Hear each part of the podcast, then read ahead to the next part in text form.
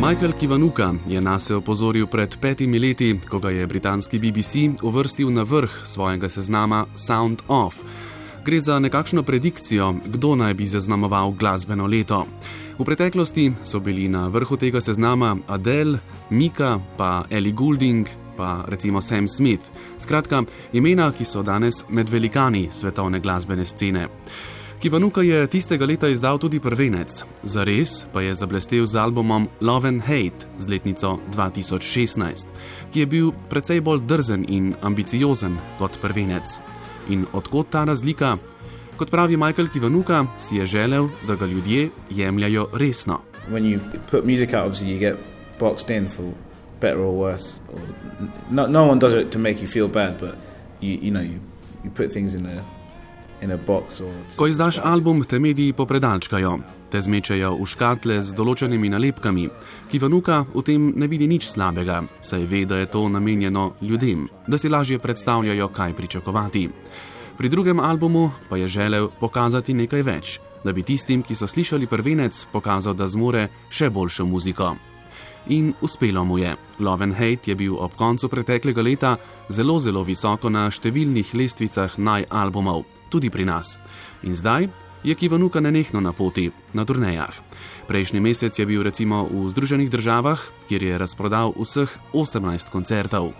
Zato me je zanimalo, kdaj si sploh vzame čas za ustvarjanje nove muzike. Hard, yeah, before, before the American tour last month, I went a week early to go to the studio. So I always, every time I have a gap, so when there's a little, like a week off or a week and a half off, I'll just go to the studio. Težko je, pravi Michael. Pred ameriško turnejo je izkoristil dober teden dni časa in se zaprl v studio, kjer je zabeležil vse ideje, ki so se mu porodile med potjo, med koncerti, med poslušanjem glasbe.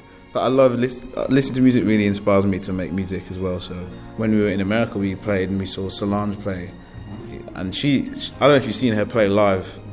Man, she did, v Združenih državah je Kivanuka srečal Solange, mlajšo sestro Beyoncé, ki je očitno pustila velik vtis. Tako kot Radiohead, s katerimi se je nedavno delil oder v Milanu.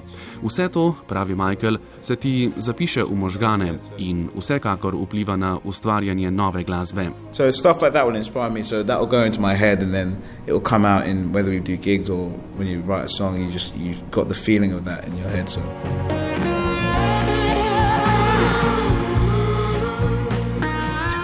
Ko smo že pri vplivih, eden od tistih, zaradi katerega plošča Love and Hate zveni tako, kot zveni, je bil tudi Kamasi Washington. So that album and then um, To Pimp a Butterfly, those two records, people like Thundercat and stuff, the way they play and how they make records was inspired me on this album to just be a bit more bold and Kamasijev The Epic in To Pimp a Butterfly, ameriškega reperja Kendricka Lamarja, ki Vanuka prišteva med večje vplive na svoj najnovejši album.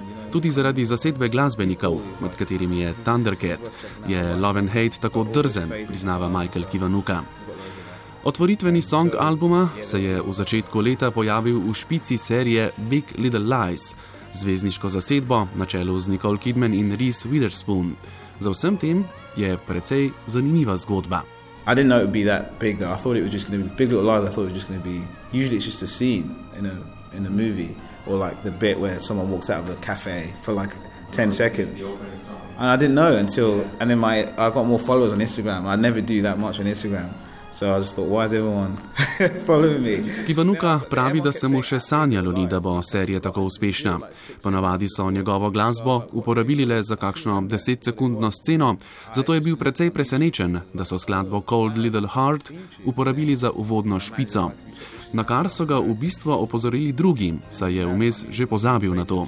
V smehu dodaja, da se mu je zdelo čudno, da se nenadoma povečuje število sledilcev na družabnih omrežjih ko pa danes pogleda nazaj, priznava, da je ta serija v bistvu rešila uspeh albuma Love and Hate v Združenih državah.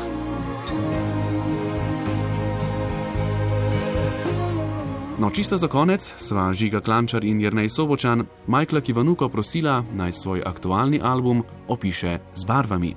Be like blue or purple, because blue, that's the, my favorite color. So if the music kind of looks like blue, it might sound quite good to my, my head. Modra in vijolična je Michael izstrelil brez premisleka. Modra pravi, da je njegova najljubša barva, zato dobro muziko vedno povezuje s to barvo. Vijolična pa so vsi tisti delčki psihedelije na albumu Love and Hate. Za svoj naslednji album pa pravi, da bi modri in vijolični dodal še roza barvo, kot simbol malce več svetlobe, saj je veliko skladb na albumu Love and Hate precej žalostnih, je pogovor za Val 202 končal Michael Kivanuka.